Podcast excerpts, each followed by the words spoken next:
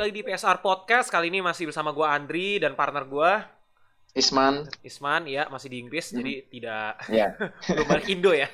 belum Oke. balik, belum balik. Baliknya tahun depan. Masih tahun depan, jadi Nah, ya. jadi bear- nanti ngikutin ngikutin Marvel dari dari Indonesia lagi nanti. Ya, bear with us aja lah pokoknya lah ya. Ya, oke, siap, siap, siap. Oke, BTW, jadi kita akan ngebicarain masih seputar Marvel ya, masih seputar MCU. Mhm. Bedanya kita bakal spesifik ngebahas mengenai Phase 4-nya MCU yang baru aja di-announce di SDCC 2019 hari Minggu pagi di gua. Kalau berarti di lu tuh Minggu malam ya? Kalau di kalau di tempat gua berarti minggu malam, iya minggu dini hari jam jam 2 pagi kalau nggak salah waktu itu gua. Oh, Minggu dini Pas- hari. ah, oh. Pas gua lagi ngerjain disertasi itu. Hmm, I see, I see. Bela-belain ya. Oke, ya bela-belain, oke. jadi kayaknya kalau kayaknya yang dengar sih udah pada tahu ya, maksudnya udah pasti infonya udah berada di mana-mana lah gitu. Kayak apa yang di-reveal, terus Hmm. siapa aja yang di casting. Nah, mungkin kita bakal cerita nih, kita bisa kulik nih eh, kira-kira setelah kita tahu, oh ini nih bener nih rumornya sesuai dengan ini, terus kira-kira potensi depannya bagaimana, ada info baru apa, terus kira-kira ini akan mengambil referensinya bagaimana dan sutradaranya sutradara-sutradara yang Hmm. terpilih itu bener gak sih gitu kayak begini kayak begitu atau gimana lah intinya kita bisa diskusiin lah. Yang Tapi pertama tapi bakal bakal banyak banget nih filmnya ada berapa nih coba nih? ada Satu- berapa tuh? 10 ya? 10, 10 sama serial malah. 10 sama serial filmnya toh Ah. filmnya nggak nyampe 10 Kalau filmnya 5, serialnya juga 5. oh filmnya 5 Sama serialnya aja. 5 oh iya iya Nah, 10 sama aja total. banyak.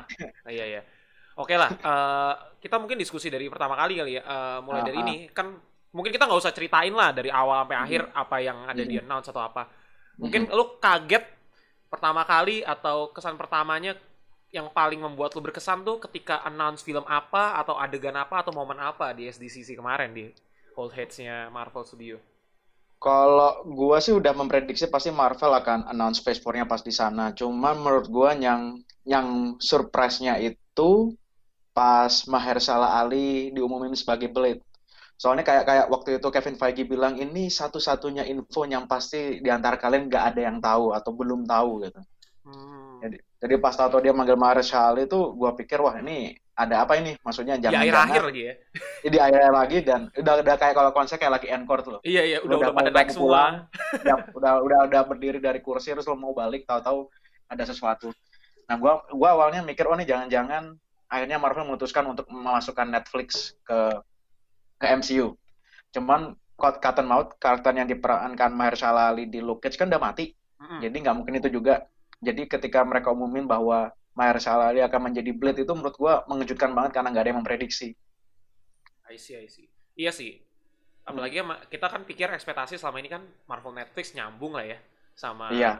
Sama MCU gitu. Jadi Tapi ekspektasi- tapi itu itu bakal panjang dari kalau diperdebatkan. Jadi kita fokus aja lah ke Iya, yang iya. di SDCC. Maksudnya kita kita nggak pernah berpikir kalau dia akan nge-recast atau pakai cast yang sama Iya, dari iya. yang serialnya Iya, benar. gitu. Heeh. Gitu. Nah, menurut Jadi gua sih itu Chloe Bennett bisa masuk lah ya ke MCU. bi- bisa jadi, bisa jadi. bisa jadi. Oke, itu Bisa kalau lu ya, ada lagi nggak kira-kira? Nah, Hmm, beberapa sih udah ketebak sih yang lain ya, kayak Black Widow, Eternals, Falcon and Winter Soldier, Iya, itu udah Shang-Chi. ya. Itu itu rumor udah lama. Ya, Hawkeye.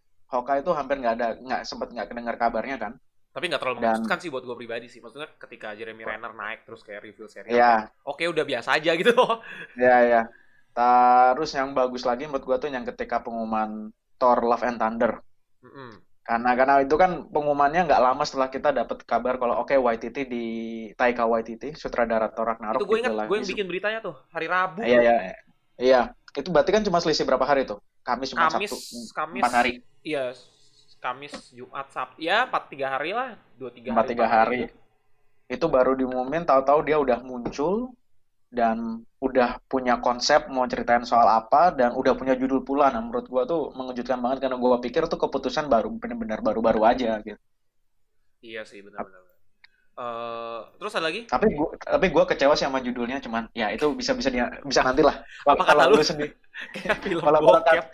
Iya, kalau menurut gue judulnya kayak film bokep gitu. Tapi me- me- melihat si Waititi ini karakternya nyentrik, gue bisa paham sih kenapa dia milih judul-judul kayak ya kayak judul film bokep atau kalau mau diperhalus kayak judul film-film kartun tahun 90-an Terus lah. 90s juga lagi. Lu lihat deh ininya nih. Desainnya tuh 90s. Terus dari judul-judul desainnya tuh sebenarnya bisa dikulik juga sih. Maksudnya di- bisa Mhm. dipertanyakan gitu. Mhm, Jadi beberapa setelah beberapa jam itu kan gue pergi tuh maksudnya jalan sama Mhm. teman-teman gue Mhm. cerita lah gitu Mhm. Eh, reveal nih Phase 4 gitu terus banyak yang Mhm. memang teman-teman gue yang desainer tuh kayak bingung gitu Mhm. kenapa mereka Mhm. menggunakan desain-desain seperti ini pada judul-judulnya bener-bener Mhm. bener-bener unik lah gitu unik Iya, bener-bener kayak judul-judul, kayak font yang dipakai, tipografi yang dipakai, itu yang biasa sering kita lihat di kartun anak-anak gitu loh. sama film Itu kok- 90s Film 90s, 90s itu, itu kalau misalnya judulnya Thor Love, Thun- Love, Thunder, and Adventure itu udah bayangan gue film kartun itu paling. iya sih. Iya iya. Ada lagi nggak kira-kira? Eh, kalau gue sih itu, kalau lo sendiri apa? Nah, kalau gua kalau lu waktu itu kan eh, ngikutinnya live tweet ya, live live apa? Live blog something Live- gitu ya. ya, ya live blog, gue ngikutinnya Ah. live blog. Nah, kalau gua kemarin gua selain ngikutin live blog, di sebelahnya tuh kan gue split tuh layarnya. Sebelahnya tuh gua ngikutin Mhm. Twitter. Jadi gua ngecekin Mhm. fans-fans tuh pada pasti pada ngevideoin kan. Nah, Mhm. ngecek-ngecekin tuh video-video Mhm. dari awal eh, Eternals, Eternals sudah ketebak lah, rumornya semua udah Mhm. sama gitu. Falcon Winter Soldier juga ketebak. Mhm. Eh, terus apa lagi abis itu? Sangchi ya. Shang-Chi. Sangchi pun Shang-Chi. Baca, bacanya Shang-Chi. Shang-Chi, Shang-Chi. Shang-Chi pun sebenarnya mengenai The Mandarin jadi villain juga udah udah ketebak rumornya pun demikian Ya, gitu. itu, itu Kayaknya rumornya udah dikonfirm sejak kan? lama. Udah Iya, dikonfirm yang- kan ya? Mhm. Jadi nggak terlalu, Eh, nggak terlalu oh iya, ha, udah dikonfirm. Oh belum. Paling-paling yang mengkagetkan, oh, di- udah dirumorin yang kalau Mandarin real Mandarinnya bakal muncul di Shang-Chi. Hmm. Eh, cuman yang mengejutkan kalau dari Shang-Chi dari gua sih Tony si Leung, eh, To- Tony Leung. Tony Eh, Leung kepilih. atau Tony Leung sih? Gua nggak tahu caranya bener Tony Leung atau Tony Leung yang bener. gue juga bingung. terus terus. Itu kepilih jadi Mandarin bayangan gua tuh bakal Donian tapi nggak tahu ya nanti dilihat. Ternyata ganti. Itu Tapi kan- oke lah, case-nya oke juga Oke. villainnya. Heeh. Jadi villainnya tuh case-nya lebih oke daripada si Shang-Chi-nya sendiri gitu. Shang-Chi-nya Shang- malah aktor iya. nggak terkenal dari Kanada. Iya, iya. Tapi tapi keturunan Cina, paling Iya. nggak akurat. Sesuai dengan rumornya ya, dia mau ngambil Iya, keturunan China gitu. Iya. Terus sebenarnya tuh yang mengejutkan tuh ketika eh, ini Thor. Mhm, Thor itu buat gue mengejutkan banget karena mhm, eh, ketika dia announce Natalie Portman gitu. Kan pertama Mhm. The Mighty Thor kan. The Mighty Thor tuh dia bilang kayak ceritanya akan diadaptasi dari The Mighty Thor-nya Jason Aaron. mhm, mhm, Gue tuh nggak tahu gitu. Gue nggak tahu maksudnya Mhm. itu cerita tentang apa sih. Terus gue langsung googling Mhm. lah gitu Wikipedia pada saat itu juga Mighty Thor tuh Mhm. ceritanya apa plotnya. Mhm. Oh, ada transisi transisi antara Thor yang War Thor sama mhm, female Thor gitu, Jane Foster. mhm, Oh berarti mau arahin ke female Thor nih, mau gitu. Pada saat itu juga gue langsung ngeliat tweetnya lagi ada video Natalie Portman datang megang ini, bawa-bawa Mhm. apa? Bawa Mjolnir. Wah itu Nah. sih, maksudnya momen ngelihat momennya tuh kayak gimana ya? Iya, Gila itu bener-bener hype-nya sih berasa banget sih. iya. Tapi Terus- banyak yang nggak suka juga kalau Natalie Portman balik Ya, kan karena biasa lah, ya, nyinyir. ya. Soalnya kan dia sempat sempat bilang nggak mau main lagi di film Marvel kan, cuman ya takutnya bukan takutnya sih banyak menganggap dia munafik sih ya balik Iya ya. iya. Ini FYI aja nih buat mungkin orang-orang Ya. yang nggak tahu nih kenapa Natalie Portman nggak balik lagi ke apa ke MCU. Jadi pada Thor Dark World ketika dulu tuh si Natalie Portman tuh masih eh Natalie Portman lagi. Thor Dark World tuh masih disutradari sama siapa sutradaranya? Patty. Patty Jenkins Ah, yang Patty jadi Jenkins. sutradaranya Wonder Woman. Nah, terus reboot somehow reboot apa apa ya? Apa creative differences ya? Creative difference. Creative difference tuh nggak terlalu ribut. Bisa jadi ribut berdebat. Nggak nggak nggak nggak nemu jalan tengah buat Nah. creat- eh, creative visionnya.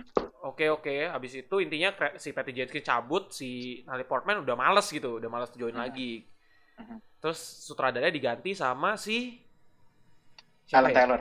Siapa? Oh ya Aaron Taylor Alan ya. Taylor. Itu itu sutradaranya Game of Thrones. Nah diganti itu, terus habis itu habis Thor Dark World nggak ada lagi dia kan. Bahkan Mhm, yang di film Endgame pun juga itu ngambil footage lama gitu, bukan bukan mhm. ini asli. Jadi ekspektasi kita ya nggak akan muncul lagi. Tapi ternyata di Thor keempat ini muncul dan itu tuh itu momen surprise banget lah. Itu gue kaget juga lah, Cak- kaget banget. Sama ini sih, sama ya itu apa diumumin akhir-akhir itu Fantastic Four. Oh ya Fantastic Four. Fantastic Ah, Four itu gua. kaget sih gue. Gue Ya, ya, ya, gue ya, lebih ya. kaget Fantastic Four diumumin daripada Blade. Iya Jujur iya iya iya. Karena kan Fantastic Gua- Four sama- tunggu-tunggu kan dibandingkan kayak Blade. Iya. Oke ini brand new banget nih kalau Blade nih gitu. Iya tuh, gua gua gua sampai lupa karena emang dia cuman disebutin sebentar banget kan karena Hmm. Kevin Feige udah ngumumin sama Phase 4. Terus dia bilang kita juga belum ngumumin Captain Marvel 2, Black Panther 2, Guardian of the Galaxy Volume 3 dan Fantastic Four. Hmm. Itu semua selain Fantastic Four udah ketebak semua lah ya sama Blade. Ya, kalau ya kalau Guardians of the Galaxy kan James Gunn jelasin kalau nggak banyak pengumuman karena dia mau fokus dulu kan ke Suicide Squad di DC. Iya betul betul. Sebenarnya yang lain emang emang emang nggak belum ada development sama sekali kayaknya. Meskipun sutradaranya udah dipilih kan ya akan tetap pakai sutradara yang lama. Iya iya. Nah intinya sih Fantastic Four diumumin walaupun cuma sekelibat doang, kayak cuma di mention Mhm. doang itu gue kaget juga. Wih ada nih gitu. Mhm. Terus kalau Blade sih jujur gue kurang ini sih ya, kurang kurang hype ya. Hmm. Karena mungkin karena trilogi, karena mungkin gue nggak tahu gitu pada awalnya trilogi Blade itu sebenarnya masuk Marvel Universe. Gue pikir tuh dia kayak Hmm. another Marvel Comics yang nggak masuk ke Hmm. Marvel superhero gitu loh. Jadi ketika Hmm. diumumin, oh masuk gitu. Ya, ya. Kalau kalau menurut gue sih mengaget, eh, mengejutkan karena ya ini proyeknya nggak ditebak-tebak. Kalau Fantastic Four kita bisa nebak karena cepat atau lambat pasti Marvel akan bikin itu gitu. Karena Iya, mereka udah dapat propertinya Fox kan. Dan siapa sih yang nggak mau Fantastic Four dan Iya, Blade? betul. Siapa yang siapa sih yang kepikiran bakal ada Blade di kemudian hari gitu. Hmm. Dan apalagi dapat pemeran yang udah dua kali menang Oscar. Yang berarti menurut gua nih berarti Marvel ini sekarang udah udah dipandang penting oleh banyak artis-artis besar gitu, artis-artis kaliber gitu, yang Oscar worthy. Iya, yeah, bener sih. Mereka juga mau gitu, mau terlibat lagi. Mhm. Mhm. Udah mau terlibat aja kan udah something lah. Mhm. Gitu. Eh sebenarnya ada lagi sih apa ya waktu itu ya kayaknya gue waktu itu kayaknya masih ada satu adegan yang gue kayaknya ngeliat kalau gue ada di situ tuh kayak bakal nangis kayaknya gitu. Oh, iya. nangis terharu gue lupa apa lagi tuh oke anyway eh, oke itu phase 4 nih dimulai pertama Mhm. kali dengan Black Widow pada bulan Mei 2020 ya Mhm. dan di sini kita punya lima film animasi lima film eh sorry lima film serial lima film Iya. serial lima serial Lima serial. yang akan tayang di Disney Plus dimulai dari The Falcon and the Winter Soldier. Mhm. Nah, menariknya kan uh, serial ini nih nyambung sama MCU dibandingkan sama apa ya Dibanding- dibandingkan yang serial-serial lainnya yang kayak Ya, jadi Netflix itu eh, selama ini kan dianggapnya tidak connect walaupun oke kalau gua diajak berdebat gua bilang well untuk menunjukkan connect atau enggak tuh enggak berarti harus terang-terangan eksplisit karakternya harus ada sama gitu. hmm, Dan, dan juga eh, ABC itu Agent of kayak Shield. Agent of Shield, ya Agent of atau Shield. yang di Hulu Aha. ya itu Jo- anggap kalau gue sih anggapnya ini- gini sih kayak mereka Mhm. bikin cerita Marvel another Marvel superhero tapi Mhm. berada di uh, dunianya MCU tapi nggak nyambung udah gitu aja Iya iya, maksudnya itu aja sih ada-ada di dunia yang sama, eh, ada elemen-elemen yang secara konsisten muncul yang menunjukkan bahwa ini terjadi di dunia yang sama, cuman ceritanya nggak benar-benar berhubungan stand alone gitu. Hmm. Tapi gue gue jadi penasaran sih kalau kayak gini kan berarti kan kita mengharuskan untuk nonton serialnya ya, apalagi Nah, kalau dengan situasinya Phase 4 ini emang kayaknya kita wajib nonton serialnya Nah, karena kalau katanya gua- adalah akan jadi kendala nggak tuh gitu. Apalagi melihat Doctor Strange katanya ada Scarlet Witch, bukan katanya Mhm. memang confirm akan ada Scarlet Witch dan itu Mhm, setupnya ada di Wanda dan Vision gitu, Wanda Vision mhm, serialnya. Berarti kan kalau orang yang nggak nonton Wanda Vision kan akan bingung nih, iya. oh kenapa begini, kenapa begitu gitu. mhm. Itu Itulah akan uh, mengganggu nggak ya gitu nanti ya? Nah, kalau menurut gua, maksudnya gini, eh, studi gua di Inggris tuh sebenarnya spesifik soal cara bercerita seperti ini. Jadi, cara lu bercerita dengan berbagai medium gitu lah, dengan Apa-apa, serial. Coba lu kasih tau deh istilah apa sih cinematic Oke. universe itu apa sih istilahnya kemarin? Oke, kalau kalau kalau yang disertasi gua ini, eh, yang gua pelajari di Inggris tuh namanya transmedia storytelling. Jadi, transmedia storytelling itu lu punya sebuah narasi besar, tetapi lu merasa menceritakan narasi tersebut lewat satu medium atau satu platform itu uh, terlalu sulit karena terlalu sempit. Hmm. Akhirnya untuk menceritakan itu semua agar agar bisa disampaikan dengan baik dan memberikan lo perspektif berbagai perspektif, akhirnya disebarlah ke berbagai platform. Bisa di film, bisa di komik, bisa di novel, bisa di TV series. Selama uh, cerita-cerita tersebut saling berhubungan satu sama lain, tapi uh, bukan berarti uh, s- benar-benar mengikat gitu lah. Jadi misalnya gini, lo nonton Iron Man, Hmm. kemudian nonton Captain America dan nonton Thor.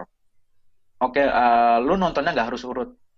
Lu nggak harus nonton Captain America untuk paham Iron Man, karena semuanya sebenarnya punya cerita sendiri-sendiri, punya awal dan akhir sendiri-sendiri. Itu. Nah, cuman kalau gua yang lihat dari Marvel, yang Marvel ini kayaknya agak sedikit memaksa lu kalau mau paham film ini, lu harus nonton yang lain dengan kasus Phase 4 ini. Hmm. Kayaknya kayaknya kalau kalau gue sih dari perspektif bisnis sih, gue sih Mhm. nganggapnya gini. Jadi gue paham nih ya, maksud gue Mhm. akan ak- tidak semua orang yang menonton menonton MCU ini semua orang nonton MCU maksud gue mayoritas nonton. MCU tapi tidak semua orang sejik kita gitu mungkin bisa dibilang hampir 80% lebih orang itu penonton casual yang cuma sekedar asal tahu dan baca-baca berita dan tidak cari tahu tuh seperti kita gitu. Jadi nggak terlalu ngikutin serial atau apa gitu. Jadi dari perspektif bisnis bisnis gue menganggap gini sih. Eh, kayaknya si Disney ini udah cukup pede. Gue gak tahu Disney atau Marvel Studio ya tapi kayaknya Disney ya kalau melihat masuknya ke Disney Plus. Jadi mereka ini udah cukup pede untuk mengkoneksikan cerita utamanya itu dengan serial yang minor ini gitu ya minor buat. Sekalangan orang jadi Mhm. selain selain apa ya selain mereka pede mereka mau Mhm. memperkenalkan Disney Plus kalian gitu lu kalau mau Mhm. tahu ini lebih jelas harus nonton ini loh gitu jadi Iya. mereka cukup pede karena kan eh fanbase mereka udah gede ya MCU ya Mhm. jadi mereka yakin kayak bakal bakal ini juga gitu bakal bakal dapat masa juga Mhm. dan kalaupun kalaupun nih misalkan kita kita ambil case Mhm. aja gitu worst case misalkan gue gue orang casual nonton Doctor Strange tapi gue Mhm. nggak tahu nih sama sekali tentang Mhm. Disney Plus kind of Mhm. things gitu terus Mhm. ternyata gue bingung kok begini ya kenapa ya begini Nah, ya gitu itu yang akan jadi problem di kemudian hari kalau dengan caranya seperti itu. Iya Makanya sebenarnya praktiknya Marvel yang di phase-phase sebelumnya bagus, di mana eh, serial TV dan film itu walaupun berhubungan tapi sebenarnya mereka punya cerita sendiri-sendiri yang tidak terlalu mengikat adalah ketika mereka nggak nonton serial TV-nya, mereka masih bisa paham apa yang terjadi di MCU. Di satu sisi, eh, misalkan orang nggak nonton MCU, tapi kemudian nonton serial TV-nya, mereka masih bisa paham serial TV-nya tanpa harus nontonnya MCU. nah maksud gue tuh ketika ketika misalnya ada worst case kejadian seperti itu eh, mungkin mung- mungkin mungkin Mhm. as a movie mungkin akan penilaian akan terganggu ya well kita nggak bisa Mhm. subjektif anyway ya masih uh, Mhm. sorry nggak bisa objektif anyway masih bakal subjektif pasti akan ada orang yang nge-review ini nggak dijelasin padahal jelasinnya ada di serial Mhm. Disney Plus gitu. Sebagai Mhm. hasil kulminasi gue rasa sekarang udah harus mempertimbangkan serial juga sih. Tapi untuk Mhm. orang-orang casual bagi mereka untuk menanggulangi orang-orang yang nggak tahu ini gue rasa mereka akan ini akan googling atau tanya temen. Dari situ aja gue rasa udah cukup untuk membantu mereka. Iya, ya itulah uh, salah satu keuntungannya kita tinggal di era informasi ya sekarang sharing gitu ya. Nah, di mana kita bisa membagikan informasi dengan cepat lewat sosial media. Jadi orang tidak benar-benar harus mengkonsumsi sesuatu untuk paham sesuatu. Oke, kalau dia benar-benar mengkonsumsi, dia akan jauh lebih paham. Tetapi informasi bisa dicari dengan lebih mudah kan sekarang. Hmm, dan dan Cuman, as, a, as a ya. casual apa casual audience juga gue rasa nggak akan banyak Iya. protes sih gitu ya kalau dia senang Iya. ya senang udah kalau nggak suka ya nggak suka udah gitu nggak mengganggu justru kan yang mengganggu Tapi sebenarnya orang-orang kayak kita gua, kan. Tapi menurut gua sih as- masih ada kan Marvel sukses dengan uh, serial-serial mereka di Disney Plus. Soalnya gue masih ingat kayak misalnya dulu kejadian kayak uh, Netflix yang Black Mirror Bandersnatch. ya dibuat jadi Itu- kayak game apa tuh istilahnya? Ah, iya, kayak kayak interactive gitu ya? Itu pertama kalinya gue ngeliat orang-orang tertarik pinjam akun Netflix hanya untuk nonton serial tersebut. oh saking hype-nya waktu itu ya Saking hype-nya. Jadi kalau misalnya Marvel benar-benar jago memasarkan, oke, eh, Phase 4 ini kita men-challenge behavior lo gitu. Eh, gua pingin lo tidak berhenti hanya mengkonsumsi film-film kami, tapi juga serial-serial dari kami. Kalau Marvel memasarkannya dengan bagus, dengan sukses, dan orang hype untuk juga ikut nonton serialnya, sebenarnya tidak akan jadi masalah. Sekarang tinggal tergantung cara Marvel memasarkannya aja, agar orang tertarik untuk nonton serialnya juga. Soalnya gini, Ndri, hmm, gimana untuk nonton serial itu lo kadang butuh waktu lo terbatas, eh, apa ya Mas, istilahnya? butuh komitmen. Butuh niat, butuh komitmen, butuh niat gitu. tapi tapi serial Disney tahu gue episode juga nggak banyak. Nah itu yang gue belum tahu kan episodenya akan berapa banyak. Maksudnya gini, kayak Netflix aja 13 episode dirasa kebanyakan iya untuk serial-serial Marvel di Netflix. Nah yang ini apakah akan ditreat seperti mini series yang kayak di HBO misalnya cuma 5 episode, 6 episode atau 13 episode seperti Marvel di Netflix, gue belum tahu yang mana. Cuman yang perlu gue tegasin adalah kalau ini serialnya episodenya akan panjang, berarti tantangannya Marvel adalah bagaimana menjaga kualitasnya tetap konsisten di setiap episode dan orang merasa engage untuk nonton dari satu episode ke episode yang lain. Karena untuk nonton serial tuh butuh komitmen. Dan bahayanya adalah Marvel naruh film-filmnya itu naruh film dan serial di Phase War itu di periode yang sama. 2021 dan 2020 nggak dianggap lah ya karena memang filmnya Kayak juga dikit kayak ya. kayak ah, kayak WandaVision, uh, Doctor Strange dan Loki itu di satu periode yang sama, Spring. spring. Iya. Nah, spring 2021. Eh, spring Berarti itu lu, quarter lu pertama ya. dipaksa, nah, berarti lu dipaksa untuk nonton cepet gitu. Misalnya lu nggak banyak waktu, lalu WandaVision ada 13 episode, tiba-tiba uh, bulan sehari, depan udah Doctor Strange. nah tahu-tahu bulan depan ada Doctor Strange, di mana lu tipikalnya nonton satu episode, satu hari cuma bisa nonton satu episode, nggak bisa binge watching itu, itu akan jadi masalah di kemudian hari. Hmm, betul betul betul betul juga sih. Iya ya. Ternyata ba- bahkan dari segi mereka announce tanggalnya aja juga bisa mengganggu kenikmatan ini ya, kenikmatan. Mhm. Maksudnya ada kayak ada pace-nya, ada timeline-nya tuh kayak mengganggu kita Mhm. sendiri sebagai konsumen Mhm. gitu ya. Menarik Mhm. juga ya. Mhm. Ya tinggal nunggu aja sih gimana Disney Mhm. ngurusinnya sih. Gua rasa sih masih ada potensi untuk diundur atau atau ya intinya bisa diundur sih gitu. Iya, Masih ada soalnya potensi. Kevin gitu. Feige kan uh, post uh, San Diego Comic Con kan bilang kalau Phase 4 ini sejauh ini udah final slate-nya. Urutan-urutan udah final, tapi dia tidak tertutup kemungkinan terjadi perubahan karena pada Phase 3 yang beberapa tahun yang lalu itu juga perubahannya banyak kan. Hmm, Ada yang di cancel, ada yang digeser, yang Ah. ditambah. semenjak Spidey Jadi- masuk lah pokoknya lah. Ya, anything is possible. Ya siapa tahu nanti masuk mutan kan nggak pernah tahu ya. Mhm. Iya. Oke. Eh, tadi kita ngomongin secara overall nih, mungkin kita bahas eh, per film kali ya. Kalau serial kita nggak usah terlalu banyak fokusin lah. Kita bahas per film nih. Kita mulai dari yang pertama dulu nih. Black. Widow. Kita urut Black dari Widow. timeline yang mau rilis lebih dulu ya, Black Widow. Oke, ha, oke. Jadi sip. kemarin di SDCC Black Widow itu yang datang cast and crew-nya Mhm, eh, yang confirm ada Taskmaster, confirm. mhm. Terus ada salah satu siapa nama aktornya? Ah, kenapa gue bisa lupa? Yang yang Taskmaster belum. Oh, Scarlett Johansson. Bukan, yang yang jadi sister figure ya. Oh, Yelena itu. Uh, Florence Pugh. Oh, Florence gua Pugh. Cak. Hah? Florence Puck atau Florence Pugh. Nggak tahu. ya pokoknya itu. Terus mereka reveal footage ya, footage trailer ya. Mhm, Footage footage. trailer Ah. singkat.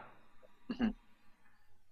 Dan kalau nggak salah itu kan nunjukin pertarungan antara Black Widow sama Yelena-nya itu kan. Hmm. Terus juga Black Widow-nya akhirnya bertarung sama Taskmaster. Yang Iya. yang nah yang yang gua silap itu adalah gua awalnya bah eh, karena di footage kan ditunjukkan kalau adegannya terjadi di Budapest. Hmm. Selama ini kita kalau ikutin MCU kita tahu Budapest itu berarti tem- pertemuannya Hawkeye, Clint Barton sama eh, Natasha Romanoff Black Widow untuk pertama kalinya kan. Iya, iya. Jadi gua, gua sempat mengira bahwa oh ini filmnya settingnya akan pre-Avengers atau pre-Iron Man 2 bahkan ketika Black Widow masih agen Rusia. Tapi ternyata ini akan jadi semacam Flashback apa eh, mungkin flashback karena ceritanya ternyata bakal ngambil di antara Civil War dan Infinity War. Civil War dan Infinity War. Oh, pas berarti pas lagi vigilante ya.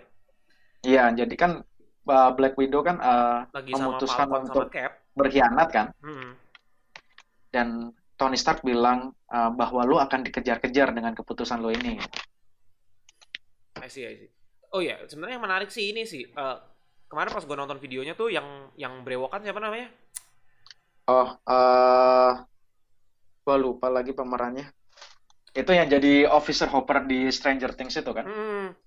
Dia dia kan eh, bilang kalau dia akan punya apa? Akan punya kayak sesuatu dengan Hmm. Captain America gitu. Akan ada Mhm. akan ada apa ya? Kayak ada perasaan ya yang kayak punya perasaan tertentu terhadap Captain America bahkan dia kan datang Hmm. situ pakai kaosnya Captain America gitu kayak dia nge-teasing gitu jadi kayak Captain America ini akan jadi sesosok sesuatu yang yang mungkin jadi plot device dia untuk jadi Officer Hopper sekarang yang kayak gini gitu intinya Hmm. intinya Seta- Setahu gua sih kan dia dia bilang gua lupa nama karakter yang akan dia perankan, uh, nama asli karakter yang akan dia perankan. Tetapi dia bilang dia akan jadi kayak apa namanya Red Guardian. Red Red Guardian Guardian, Red Guardian ini kayak uh, Captain Amerikanya Rusia, oke Captain America Super Soldier, Ah, Super Soldier. oh oke oke oh David Harbour ya David Harbour bukan sih Oh iya, ya? David Harbour. Oh, ya. David Harbour ah, ya? Ya. David Harbour. Eh, iya iya iya. Gua gua berpikir kemarin kayaknya oh kalau dia ada kayak semacam complicated feeling sama Captain America mungkin masuk juga kali maksudnya oh Mhm. karena dia punya ada feeling tertentu sama sosok figur Kapten Amerika, makanya dia sekarang Mhm. jadi Kapten Rusia gitu. Ya, mungkin. Kayak gitulah kurang lebih. Bisa, bisa jadi, bisa jadi. Bisa Oke. jadi berarti ini membuka kemungkinan nanti Chris Evans muncul sebagai cameo berarti di Black Widow. Iya, Kan soalnya kan Falcon juga. Iya, kan di kemudian hari kan eh, Black Widow-nya gabung dengan Captain America kan Mhm. sebelum Infinity War. atau minimal terakhir lah di episode-episode terakhir Mhm. lah gitu. Ya benar. Mau teasing ke Infinity War kan gitu kan. Iya. Mhm. Oke, nah paling Black Widow itu kali ya, nggak ada nggak ada terlalu nggak terlalu ada lagi info, sisanya mereka kayak cuma Q&A kayak biasa. Kalau info sih yang paling yang Black Widow yang terakhir gua baca interviewnya Scarlett Johansson, dia bilang bahwa ini akan menjadi film Marvel dengan adegan perkelahian paling banyak, dia bilang gitu. Oh, berarti lebih dari Winter Soldier dong. Gilanya dong. Bisa jadi, bisa jadi. Nah, tapi nggak tahu kita masih ada Shang-Chi kan habis itu kan. Oh Bisa iya, jadi Shang-Chi-nya juga lebih banyak juga. lagi. Cuma Iya. sejauh ini dia bilang ini akan menjadi film yang secara action lebih banyak dibandingkan film-film Marvel sebelumnya. Iya. Gua, gua sih bayangin film ini akan mirip-mirip kayak Anna Oh iya iya, atau Ana, Ana, Ana. at- atau uh, Atomic Blonde Itu kalau yang iya itu sih, iya sih, iya sih. Charlize Theron ya. Eh, kalau Ana sih kayaknya enggak lah. Ana kan dikit juga action scene-nya. Enggak, maksudnya overall, Art- overall package-nya. kali ya, secara, ya, temanya. secara style, ha, secara theme akan mirip. Hmm. Oke, kita lanjut ke selanjutnya yaitu Mm-hmm. kita skip Falcon and Winter Soldier karena juga biasa lah cuma ngasih tahu villainnya Baron Zemo. Mhm. Jadi nggak terlalu nggak terlalu mengejutkan. Cuma yang yang gue bingung adalah ketika Falcon and Winter Soldier siapa lagi nih yang terlibat? Katanya ada si Sharon Carter, cuma Sharon Carter tidak disinggung di sini. Mhm. Gitu, cuma Baron Zemo doang yang confirm sebagai villain. Ya udahlah itu. Hmm. Kita lewat aja. Terus Oke. kita Eternal sekarang. Oke, Eternals Eternal. Eternals ini kemarin ya rumor yang ada di internet itu si Angelina Jolie dan kawan-kawan Mhm. itu benar semua ya. Most- Mostly benar sih. Mostly Maksudnya, semua. Waktu itu kan yang dirumorkan kan Angelina Jolie jadi Cersei kan. Heeh. Tapi ternyata dia jadi Tina. Ah, ya oke lah jadi karakternya siapa Oke. setidaknya dia join gitu. Iya, Yang- yang Richard gue ingat Madden, tuh- Icarus. nah, nah. Yang gue inget tuh Richard Maiden, Richard Maiden, Mhm. Salma Hayek, sama Mhm. ya, eh, sama- eh, sama Kumail Nanjiani, Nan- Nanjiani. Kumail Nanjiani. ha. Ah, sisanya gue Donli sih gue juga. Kalau Donli sih gue juga denger. Hmm. Donli yang aktor Korea yang di Train to Busan Hmm, itu termasuk yang di awal-awal di announce akan Ah. gabung ke film ini. itu juga kaget sih. Kayaknya Yang- Eternals ini tuh representasi dari diversity yang yang di mau Marvel yang diomong-omongin gitu. Phase 4 bakal Iya. diversity banget. Karena Iya. selain diversity, karakternya juga di, diacak-acak, Mhm. terus juga cast-nya berbagai macem Mhm. Banget. Maksudnya dari yang seniornya kayak Angelina Jolie sampai yang Hmm. gua nggak kenal nih siapa ya gitu. Ya ya ya. Menurut gua nih Marvel berani berani tampil di first di, di franchise yang ini Eternals karena ini yang bener-bener apa ya? Sama kayak Guardian of the Galaxy dulu, uh, franchise-nya obscure. Obscure, kalau tanya- obscure. Obscure itu berarti uh, nggak begitu diketahui banyak Oh, orang. Oke oke oke. Lo tanya semua fans MCU uh, pre Phase 4, pre pengumuman Eternals, mostly pasti nggak ada yang tahu Eternals itu uh, karakternya seperti apa. Ya gue juga nggak tahu sih. Nah, makanya itu. Kacau. mereka pasti ba- pasti baru mulai riset termasuk gue sendiri gue gua bukan mengklaim gue ahli maksudnya gue sendiri tidak begitu paham Eternals apa dan baru tahu menjelang rumor bahwa film ini akan dibuat oleh Marvel Iya, Jadi, dan, dan dia apa mungkin dikasih latar belakang kali ya Eternals ini kayak ciptaannya Celestial gitu ya. Kayak semacam apa ya? Semacam Sep- Green Lantern seperti kali ya? Inhuman seperti Inhuman Oh, seperti Inhuman. Oh, oke. ya Inhuman kan kalau Inhuman dibikin sama Skrull ya. Skrull apa Kree sih? Gue terbalik-balik tuh. Eh, Kree Kree, Kree. Kalau Hmm. ini dibikin Celestial gitu. Tapi memang gue kalau ngeliat di, gue kan baca juga ya sampai sekarang ya komiknya yang crossover crossover gede. Eternals Mhm. ini emang jarang disinggung, bahkan nggak pernah ada gitu. Gue nggak pernah tahu. iya em- emang jarang disinggung ini termasuk ya itu bahkan di ranah komik sendiri ini salah satu franchise yang nggak nggak begitu dikenal Underrated juga Walau- kagak, memang nggak terkenal ya. gitu. ya emang memang nggak terkenal gitu walaupun ini dibuat oleh Jack Kirby gitu salah satu tokoh Yang besar di industri komik gitu. ya Hmm. Terus yang Cuma- menarik juga sutradaranya. Sutradaranya ini Chloe Zhao nih, Chloe. Chlo- Chloe Zhao Chloe Zhao. Ya. Gue juga gak kenal ini bikin film apa dulu. ya dia dia bikin film cowboy gue lupa judulnya apa dulu pernah pernah sekali lihat trailernya itu dulu banget sebelum sebelum dia diumumin jadi sutradaranya Eternal gue lupa judulnya apa gue cuma pernah lihat waktu itu ada festival film dan kebetulan gue cek cek ada salah satu filmnya tuh dia jadi pas dia diumumin oh iya gue inget cewek yang ini uh, oke okay. dan ini juga kemarin di Comic Con juga cuma Q&A doang ya kayak mm-hmm. Kayak misalkan kayak jawab jawab pertanyaan lah kayak Angelina Jolie bilang ya ini kita bakal kerja keras buat ini. Terus mm-hmm. ada yang bilang kalau siapa siapa yang nggak sabar ngelihat gue bertarung sama Hulk gitu? Menurut lu gue sama Hulk oh itu Don Lee. Gitu. Don Lee yang jadi Gilgamesh ya. Uh, gitu kalau kalau menurut gue sih mereka relatif bebannya lebih ringan aktor sama sutradaranya karena nggak banyak yang kenal franchise ini jadi berarti nggak ada nggak ada nggak ada, ada, ada ekspektasi apa pun pokoknya oke pokoknya ini Marvel keren oke lah gue nonton. Hmm, oh pantas dia berani berani ngambil yang brand new guy semua ya? Iya. Hmm. karena berarti kan berarti well kalau orang nggak tahu nggak punya sandaran apa pun untuk bikin perbandingan ini dengan komik berarti bebas dong mau gua apa-apain. Iya, iya benar-benar. Masuk akal. Masuk akal. Apalagi banyak yang gender bender ya yang diganti ya. Yeah, nggak, gak banyak yeah, sih yeah. cuma dua doang sih oh ya Ajax sama yang Sprite hmm. cuma dua sebenarnya ju jujur sih kalau gue tuh honest film ini nggak terlalu menggugah gue kayak gue harus nonton ini terus cuma hmm. yang yang jadi sorotan utama ya Angelina Jolie sih maksud gue. Yeah. Angelina Jolie mau lo bergabung ke film blockbuster yang kayak begini. Mm-hmm. Jadi ekspektasi gue si Marvel nih pasti negosiasinya gila-gilaan nih ke dia nih gitu loh. Well, Angelina Jolie ketika dia jadi artis besar pun beberapa uh, sempat main di film uh, komik seperti Wanted kan. Jadi sebenarnya oh, selama berapa tuh 2007 ya? Wanted. gua sekitar 2008 2009 kalau nggak salah. Iya, yeah, yeah, yeah. Uh, dan itu kalau misalnya Angelina Jolie aja bahkan mau main di film seperti itu atau film-film yang ibaratnya ada film yang popcorn lah. Berarti sebenarnya selama skripnya bagus dan bisa mengconvince dia untuk ikut, berarti sebenarnya bukan tipikal uh, artis yang sulit dirangkul untuk main di film blockbuster gitu lah. I see, iya sih. Angelina Jolie juga banyak main film-film yang gak jelas. Mas, gitu. dia dia main main Vision dan segala macam dan mungkin lebih mudah merangkul dia dibanding Natalie Portman. Maksudnya Natalie Portman aja biasanya begitu Pat, Patty Jenkins nggak ada, dia udah males main.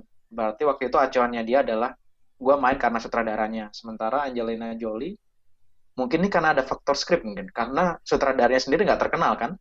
Kalau gue bilang Angelina Jolie itu mau karena masih ada ikatan sama Disney Hmm, mungkin bisa jadi ya. Iya, dia kan bikin Vision kan. Mungkin hmm. mungkin mungkin mereka hmm. negosiasi sama eksekutifnya kayak mereka suruh eksekutifnya orang Disney yang ayolah kita tolong kan lu udah gua hmm. kasih pernah bikin film nih gitu-gitu loh ada hmm. hubungan baik jadi dia mau. Ya bisa. Jadi bisa. for the sake of kayak ya udahlah gue balas budi aja lah gitu. Hmm. Ya, mungkin ya nggak tahu lah namanya juga ya, ya, bisnis perspektif lah. Oke deh paling Eternal segitu nggak ada nggak ada footage juga ya iyalah belum di rilis juga ya, belum, belum, belum shooting juga. Uh, kita lanjut ke Sangchi, Sengchi. Sengchi. Sengchi. Sengchi ini okay. ini juga mengejutkan nih. Mm-hmm. Uh, dia pertama kali manggil sutradaranya dulu. Siapa nama sutradaranya? Uh, Daniel Destin, Destin Daniel Creton. Siapa? Destin Daniel Creton. Creton atau Cretin sih? Cret, oh, lupa. Pokoknya antara itu. Ya, itulah. Pokoknya Destin Daniel itu lah. yeah. Dia manggil, terus habis itu dikenalkan dulu tuh. Yang yang menarik tuh ini dia ngenalin ngenalin si Mandarin habis itu ada slide-nya Aquafina. Ya tapi masih belum dikasih tahu karakternya siapa. Yang naik dulu tuh Mandarin. Mm-hmm. si Tony Tony siapa? Tony Yung. Tony Leung. Tony Leung habis ya, itu ya. udah biasa lah. Bahasa basi bahasa basi. Habis itu baru dia announce si pemerannya. Pemerannya. Si Mulio si Mulio nah ini habis itu kayak Q&A kayak biasa. Nah yang menarik lu lu ceritain dong sebenarnya si Mulio tuh di Twitter udah ngapain dulu sebelum sebelum ya, ini. Ini ini nih contoh bahwa kalau lu bener-bener pingin gitu ada banyak jalan buat lo untuk nyampe tujuan lo gitu. Jadi Simulio itu dari tahun 2014 udah bukan melobi ya, tapi nyindir Marvel. Hmm. Uh, jadi dia berkali-kali nge-tweet, ayolah karakter-karakter yang udah kapan lo akan bikin karakter yang basically Asia. Hmm. Dia bilang seperti itu. Jadi dia berapa kali nyindir Marvel, dan dia nggak nyangka bahwa di kemudian hari lima tahun kemudian dia beneran dipanggil Marvel untuk casting sebagai Shang-Chi. Hmm. Dan dia cerita bahwa dia itu baru tahu jadi Shang-Chi itu uh, lima hari sebelum San Diego Comic Con. Lima hari sebelum, wah gila mepet juga kayak kayak Thor. Mepet banget. ya jadi eh, minggu dia dikontak Marvel, gua mau eh, lo datang untuk screen testing. Dia datang screen testing eh, hari Senin kalau nggak salah ada screen testing. Oke oke acting acting baca cold reading, baca baca skrip. Habis itu pulang hari Selasanya dia dikontak. Oke kamu dapat perannya. Terus langsung itu, oke kamu datang ke San Diego Comic Con ya? Terbang Iya dari iya. Kanada Dan sekarang gitu. Iya benar. Tapi ya itu uh, suruh uh, berakhir kemudian dia di, di datang lah di San Diego Comic Con dan kemudian dia dia retweet semua tweet-tweet lamanya yang di mana dia nyindir Marvel gitu. Dia Iya, iya. bilang Jadi oh yang- shit gitu. Iya iya. Yang mungkin yang dengar bisa Google lah abis itu lah si Miu Iya. Liu Twitternya gitu. Itu udah rame sih.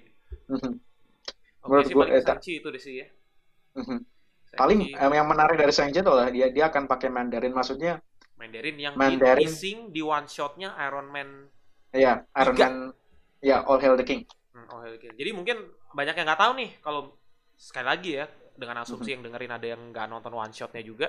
Jadi Mhm. Iron Man, jadi zaman zamannya Phase 1 atau Phase 2 itu tuh one shot tuh Itu masih Phase sering dibuat ya. 2. Nah, Phase 2 ya. Oh, berarti one shot tuh kayak semacam kayak apa ya? Cerita tambahan, pendek. cerita minor, side side spin off gitu yang paling Mhm. cuma 6 menitan, 10 menitan eh, tambahan untuk untuk DVD rilis, digital rilis Mhm. gitu lah.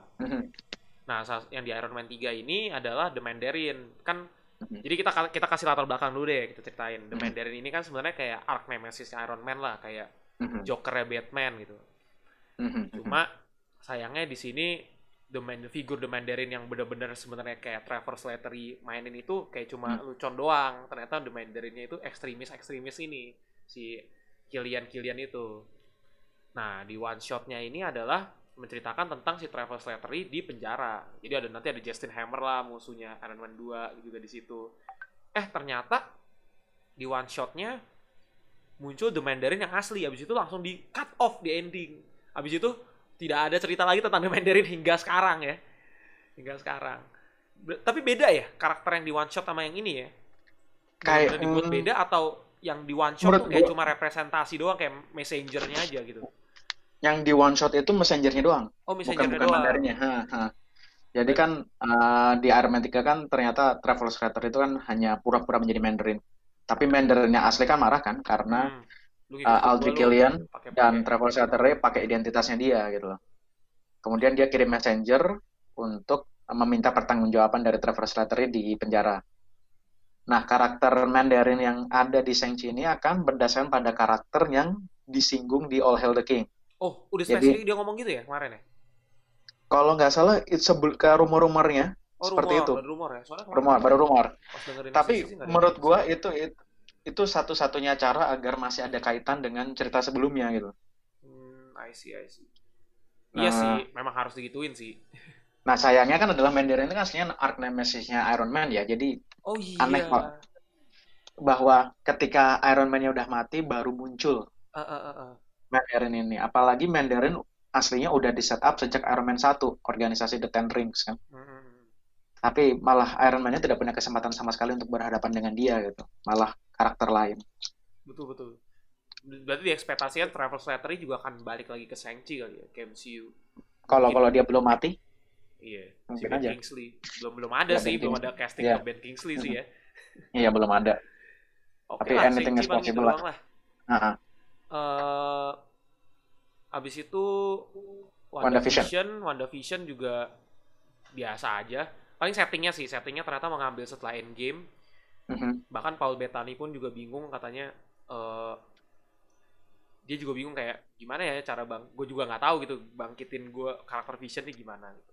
Kalau menurut gue yang akan menarik adalah WandaVision-nya kan akan set up ke Ah, film Marvel selanjutnya itu Doctor Strange and the Multiverse of Madness.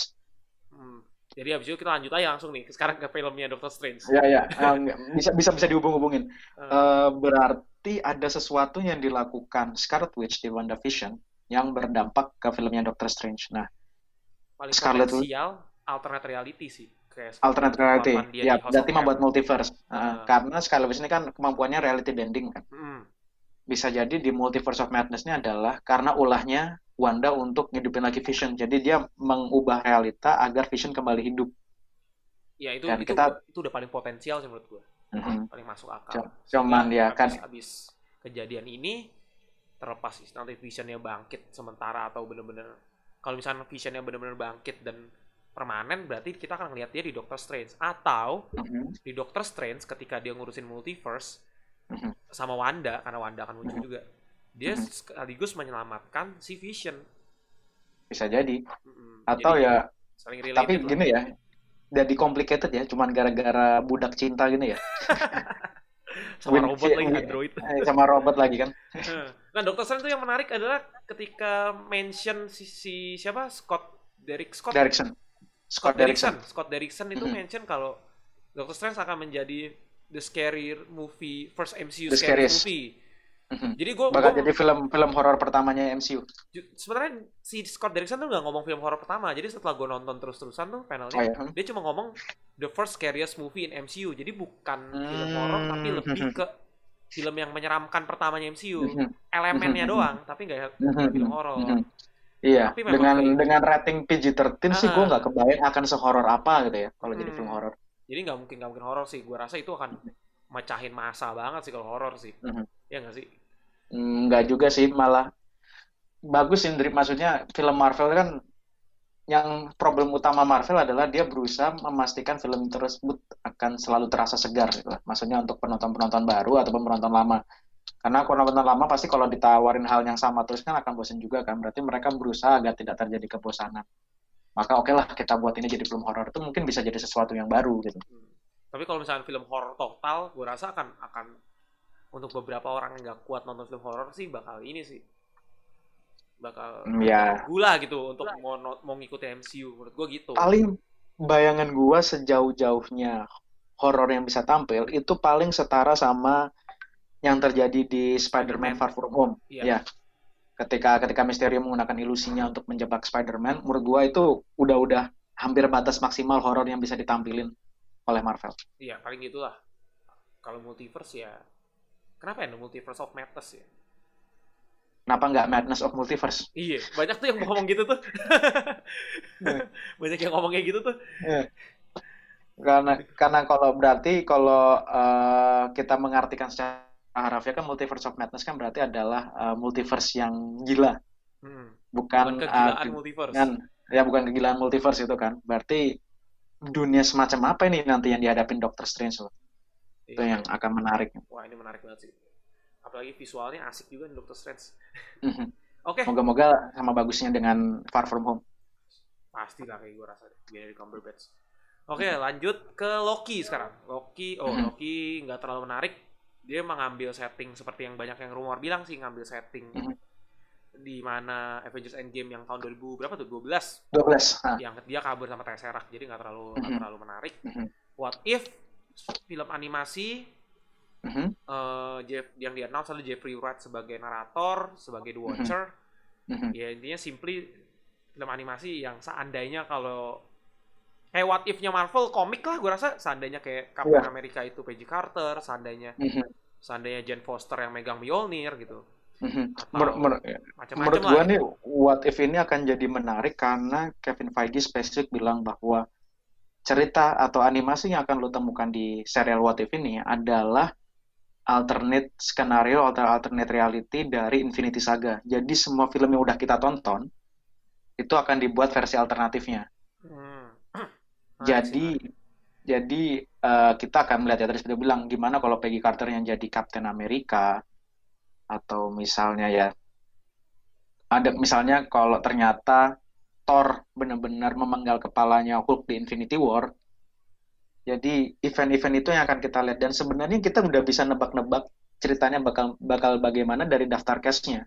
Oh iya, Kayak- iya, daftar case Sebenarnya sebenarnya kayak yang Captain dari Captain Amerika itu yang balik itu cuman yang jadi Dr. Eskrin, cuma yang jadi Peggy Carter sama yang Sebastian Stan kalau nggak salah. Nggak ada Chris Evans berarti ada kemungkinan ceritanya adalah Steve Rogers gagal untuk dipilih sebagai Super Soldier atau mungkin mati sebelum jadi, Super Soldier. Hmm. Oke, oke, oke. Menurut gue menarik sih. Dan Terus- animasi seperti apa yang akan ditunjukin seperti apa nggak tahu apakah ini kartun atau model-model seperti Kartun, kita kartun. lihat di kartun ya? Oh, Kartun oke film oke. animasi. Ya iyalah Nggak. mungkin nggak mungkin. Kalau 3D kayak misalnya yang apa Love, Death and Robot kan bagus. Oh, maksudnya mau dibuat 3D 3D animation gitu. Oh, iya Ah, bener juga sih. Dia cuma simply ngomong film animation doang ya. Mhm, mhm. Oke, oke. Oke, next mungkin kita ke Hawkeye. Hawkeye juga nothing special, cuma eh, cerita tentang dia jadi Ronin, terus dia ngelatih Kate Bishop. Mungkin yang malah yang menarik malah adanya Monica Rambeau dewasa ya di situ ya. Yang di mana seharusnya dia Itu Monica. Rambeau bukannya di WandaVision ya? Monica Rambeau bukannya di Hawkeye ya? Gua agak lupa. Setahu gue di WandaVision setahu gue. Oh di WandaVision ya? Mhm. Hmm, gue lupa lah pokoknya. Pokoknya salah satunya itulah intinya kehadiran kehadiran Monica Rambeau itu cukup mengejutkan juga lah. Gue lupa. Oh iya, apa WandaVision ya? Iya, iya kali WandaVision. Oke, sekarang kita balik langsung yang terakhir nih. Ke Thor Oke. 4, Thor Love and Thunder. Mhm. Nah, ini justru yang mungkin paling banyak yang bisa di ini ya, dikulik nih. Karena kan kita tahu Thor sama Guardian of Galaxy terakhir ya. Oke.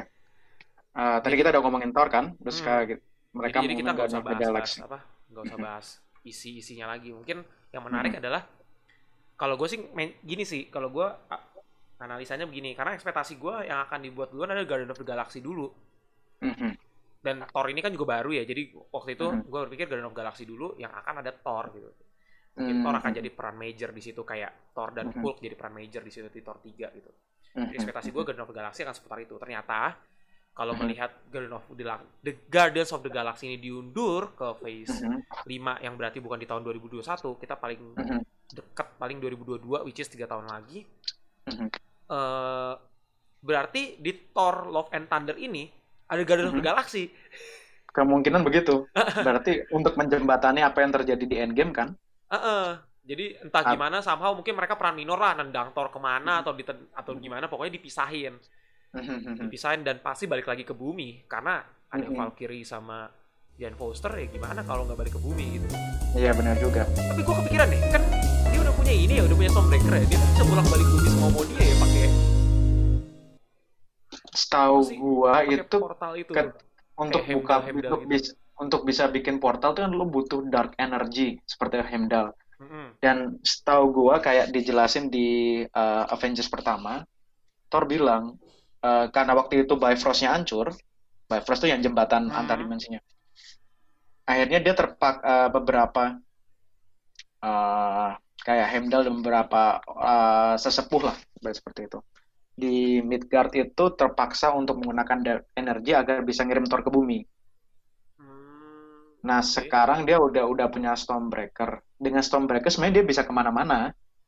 Cuman mungkin kita tahu Thor yang kita lihat di Avengers Endgame bukanlah Thor yang kita kenal selama ini. Dia udah yang kegemukan, yang secara secara mental tidak sekuat dulu.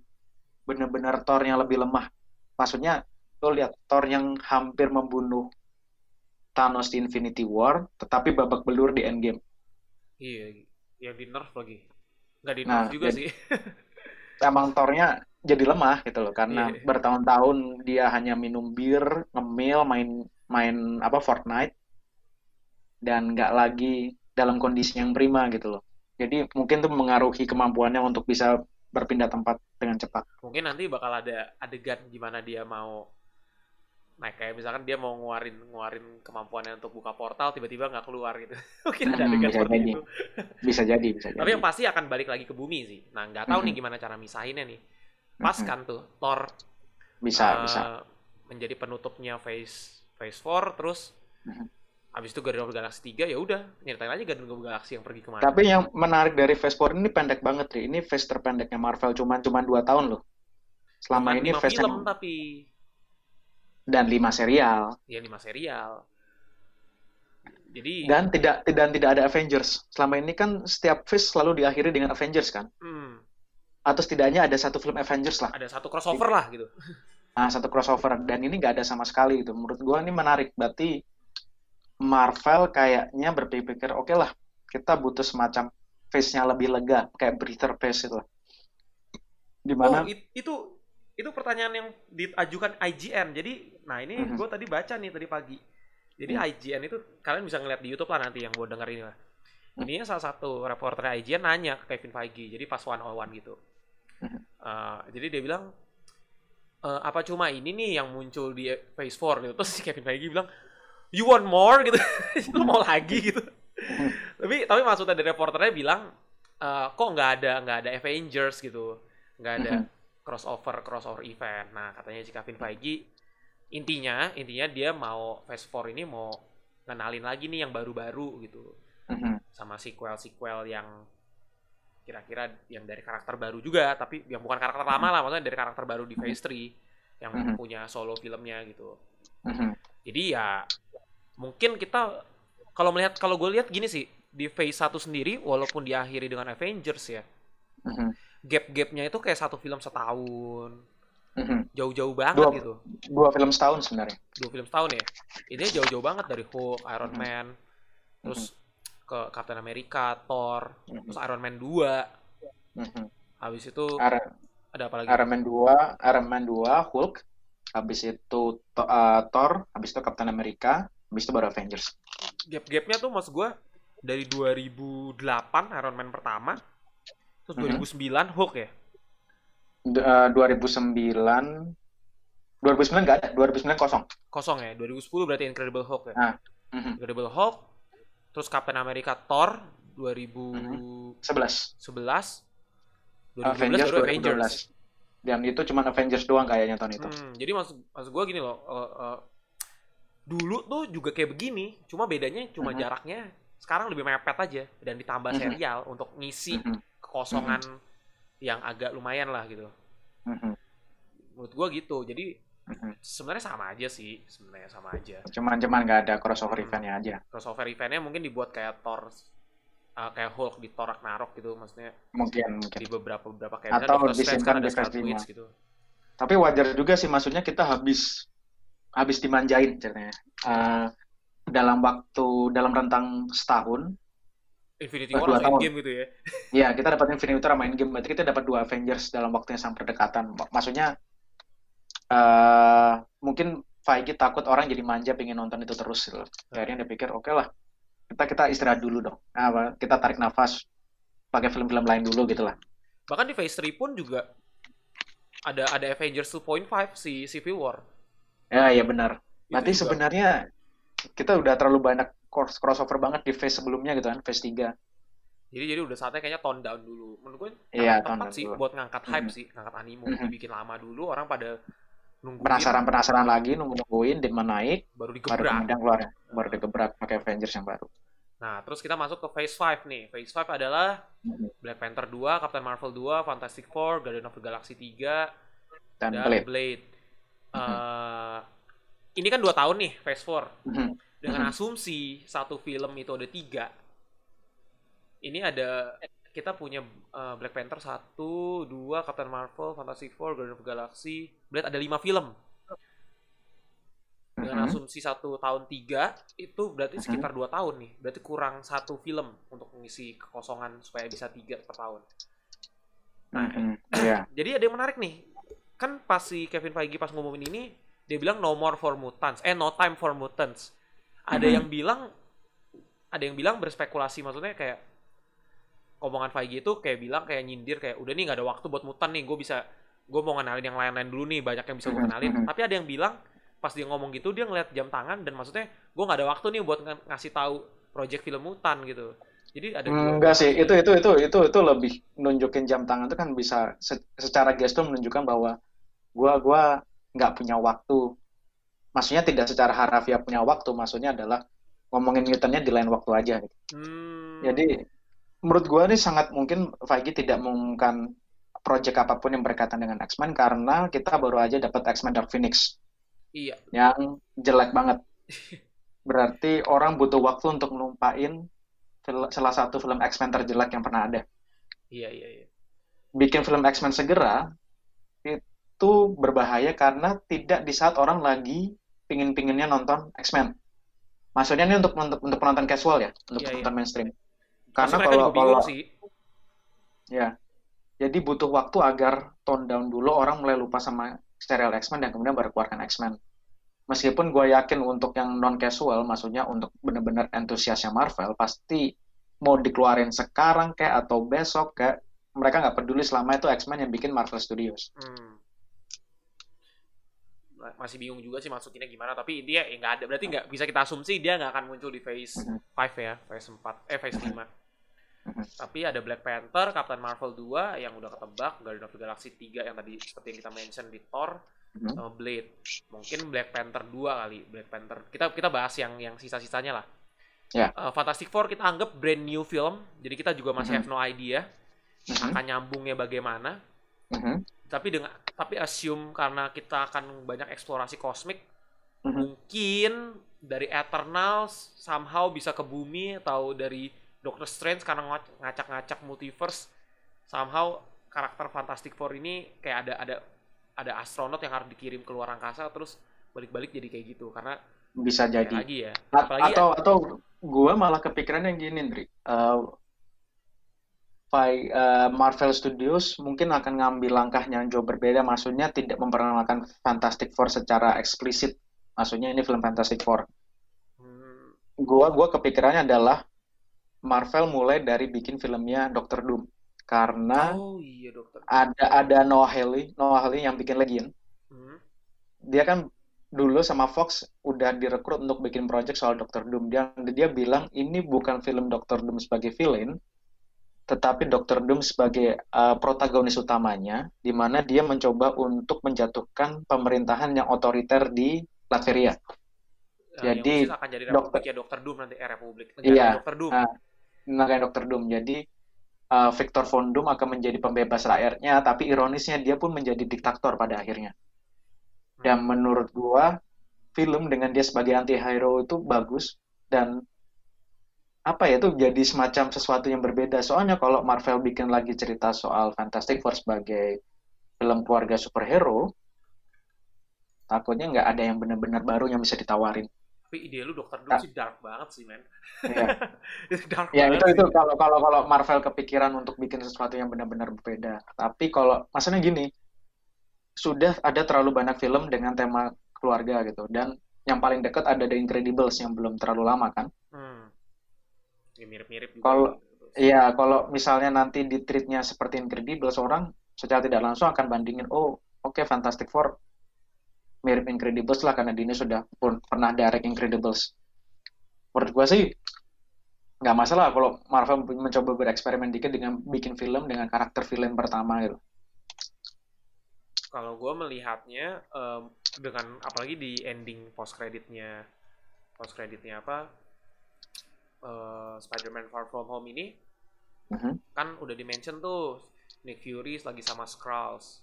mhm, Jadi ada kemungkinan ada kemungkinan mungkin eh, sebenarnya karakter bukan karakter sih maksudnya orang-orang yang akan jadi jadi Fantastic Four ini mhm. berada di eh, bawahnya si Nick Fury. Jadi mereka lagi di kan katanya Sword kan, Sword kan Mhm. yang akan menjangkau orang-orang dari serangan bumi dari serangan alien kan.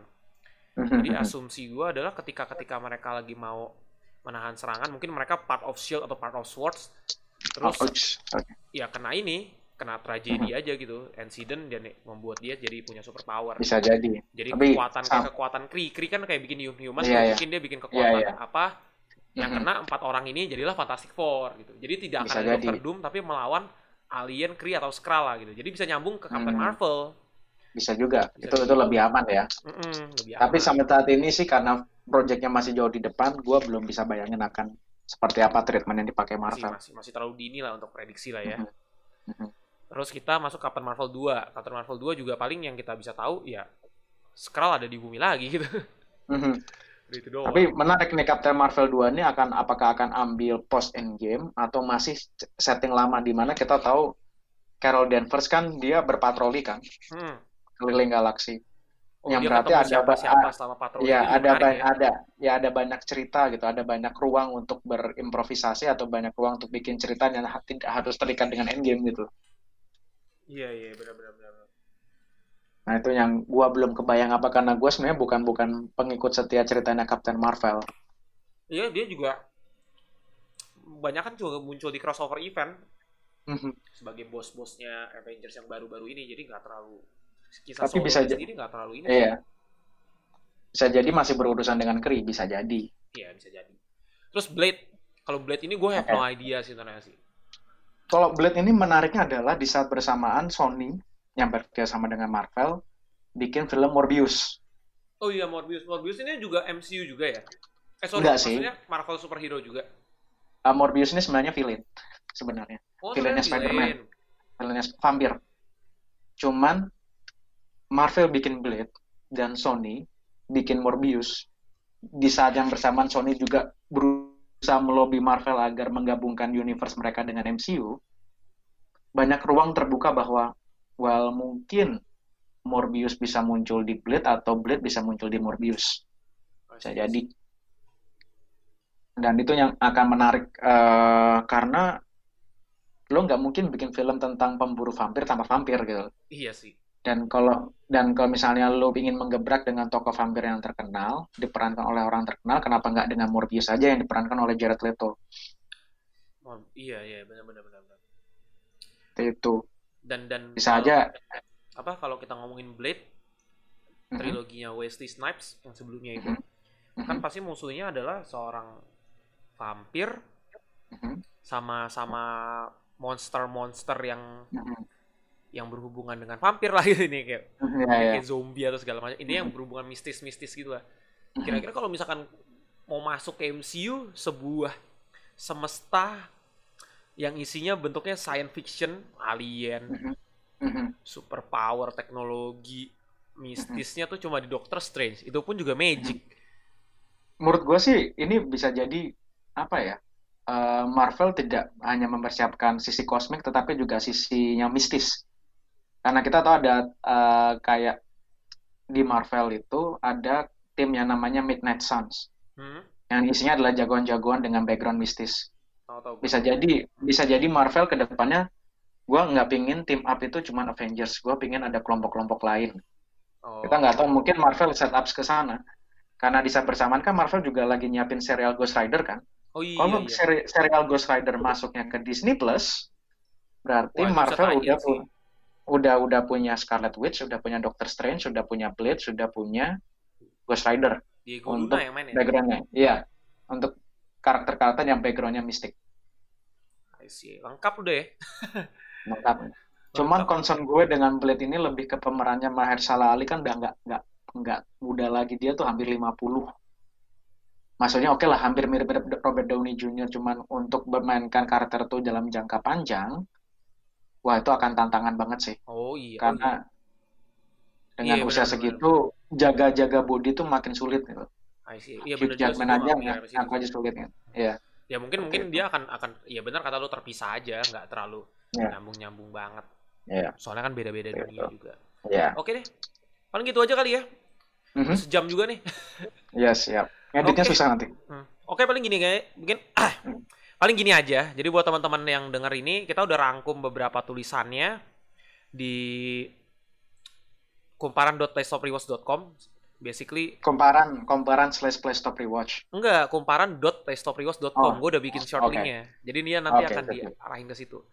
Eh nanti cari aja pokoknya berita ya kalian kan kalau ngakses kan pasti kan per hari ini ya yang paling atas. Jadi cari cari aja berita yang pada hari Minggu tanggal 21 Juli nanti di situ bakal muncul semua tuh rangkuman kita per filmnya satu tulisan terus ada yang kita kayak ngerangkum secara overall apa aja highlight-highlightnya. Intinya Hmm. kalau misalkan kalian nontonnya udah lama mungkin bisa ngecek aja presentasi fase keempat MCU Play Stop Rewatch di Google. Data akan ada video nggak? Eh gue akan akan buat video untuk nge-recap overall tapi overall Comic Con ya bukan MCU overall Comic Con jadi gue akan buat videonya jadi kalau misalkan kalian denger ini mungkin udah rilis kali videonya nggak tahu juga sih Mungkin- tapi intinya gue akan buat video Comic Con sih dan pastinya kayaknya highlight utamanya sih tetap MCU ya Marvel Studio soalnya nggak ada saingan Warner Bros nggak ada Iya. DC juga cuma dikit. Heeh, serial doang Iya, iya. Warner Bros nggak ada. Ya oke lah, paling gitu aja. Thank you teman-teman udah dengerin. Eh, jangan lupa di share ya podcast kita ya. kita butuh play banyak gitu. oke, eh, seperti biasa kalau misalnya teman-teman ada masukan atau feedback mau tema apa atau topik apa tentang perfilman, bisa komen di Instagram kita @playstoprewatch atau komen di YouTube kita juga nggak masalah. Play Stop Rewards juga. Intinya komen aja di salah satu akun sosial media kita. Oke, thank you. Gitu aja. Apa nih? Endingnya akhir kata, play it, don't stop, just rewards. Dadah. Ya oke, ya dah.